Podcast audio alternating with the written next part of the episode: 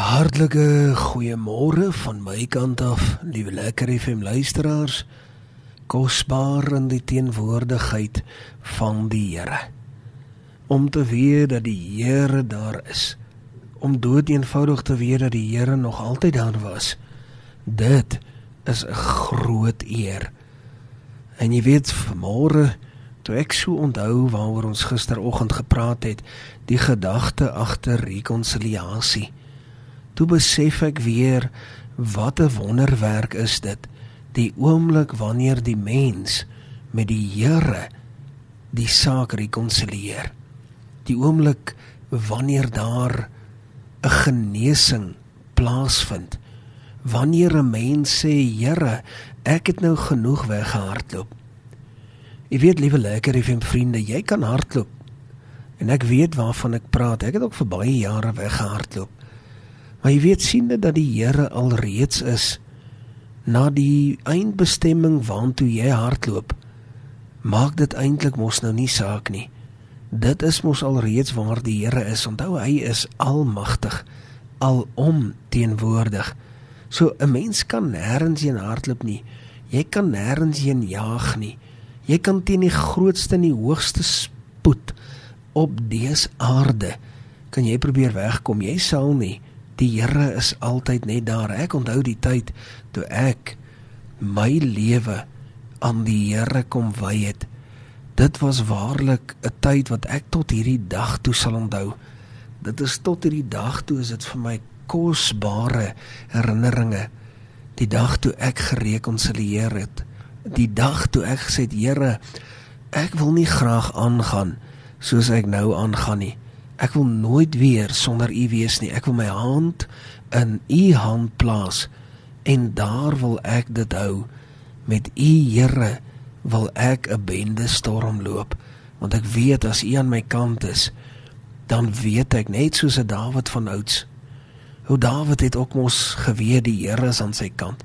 Ek meen ons praat hier van 'n nat 'n pap nat tienertjie wat eintlik nou en dan sommer maar net die harp gaan speel het daar in die teenwoordigheid van die koning.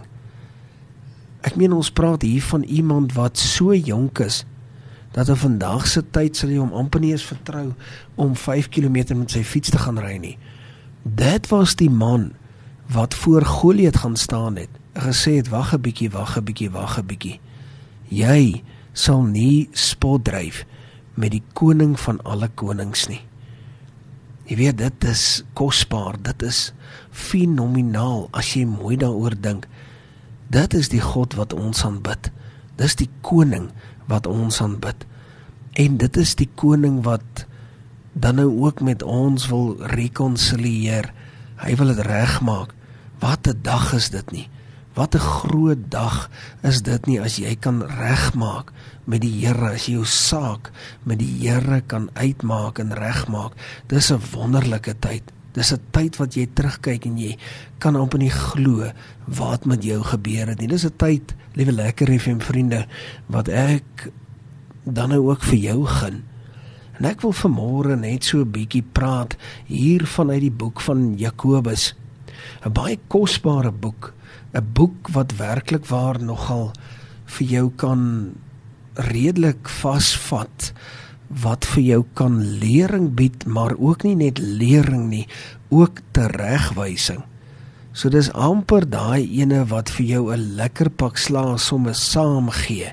Saam met die saam met die potjie self kom die pak slaag ook sommer. Nou ek wil graag net so 'n paar gedagtes, lekker groot gedagtes wat ek wat as ek dit saam moet vat. As ek nou na die samevatting, as ek die hele saak so vat en ek en ek en ek bring hom so bymekaar en ek rol hom 'n bolletjie hier in my hand, dan is dit wat vir my na vore tree. Groot gedagtes.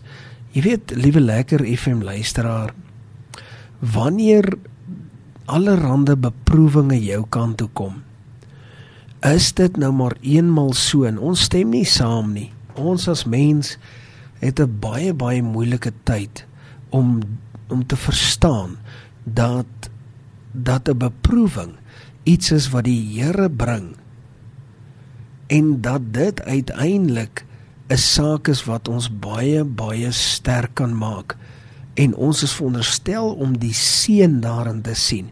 Ek weet dit is baie baie moeilik. Maar kom ons sit net so dan open ons vinnig met gebed. Hemelse Vader, dankie dat U woord in ons harte bevestig en dat U ook dan nou vanmôre kom en ons harte kom stig. U is groot, U is heilig en U is alomteenwoordig. Dankie vir U liefde in Jesus naam. Amen. En amen. Ek weet liewe lekker FM luisteraar, as ek nou gaan kyk na Paulus en ek dink mooi wat hy geskryf het, dan sien ek hy skrywe dat die Here vir hom 'n kragtige deur gegee het. 'n Kragtige sê die woord van die Here. 'n Kragtige geopende deur. Maar daar is baie teestanders. Daar is baie teestanders. Nou ons moet verstaan wat dit beteken het.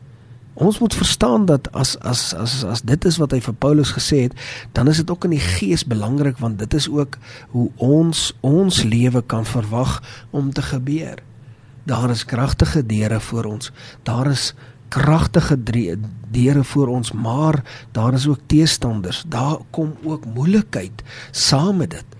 So daardie geopende deur kom nie maklik nie. Hy's nie verniet nie.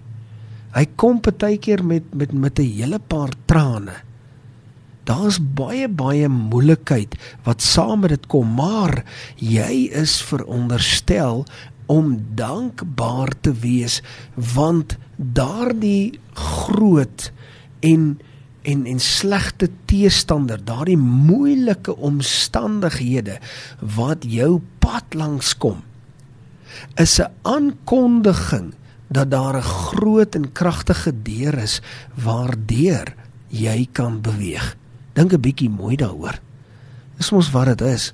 Dis mos presies wat dit beteken. Daarom die oomblik wanneer daardie teestand kom, dan is ons eintlik veronderstel om onsself te verbly daarin, want as ons onsself verbly, dan sien ons dat dit 'n kragtige deur is waardeur ons kan beweeg.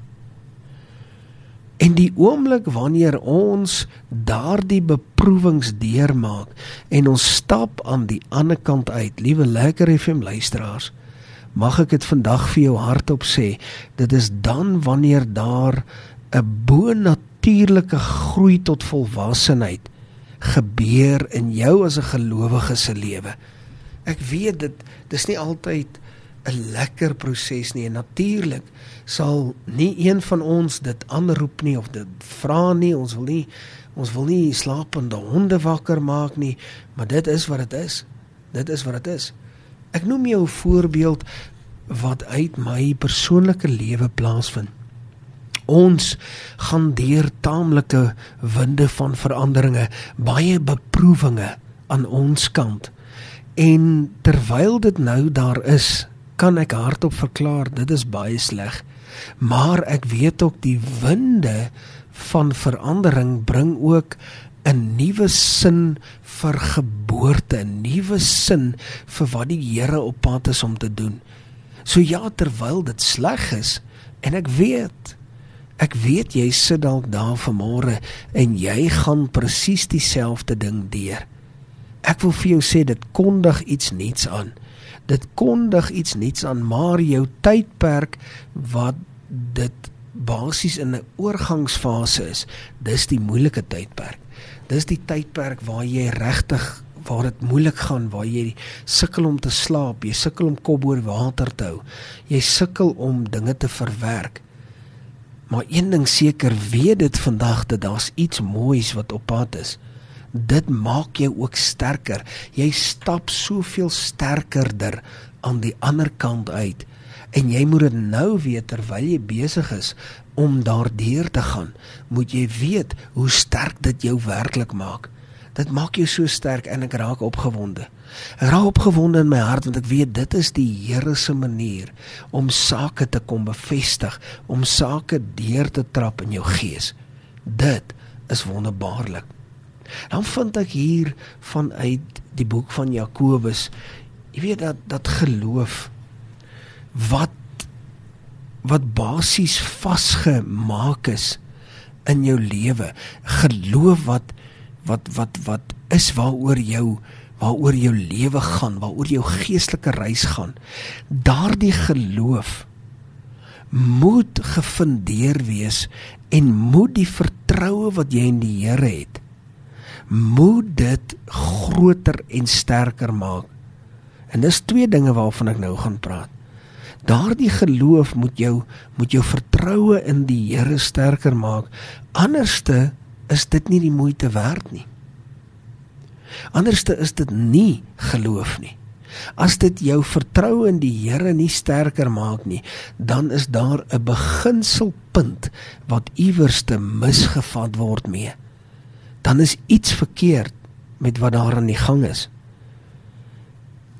Die tweede gedagte. As jy nie jou geloof inspann tot transformasie nie, tot 'n verandering, tot heiligmaking in jou verhouding met die Here nie, dan beteken dit ook nie veel nie.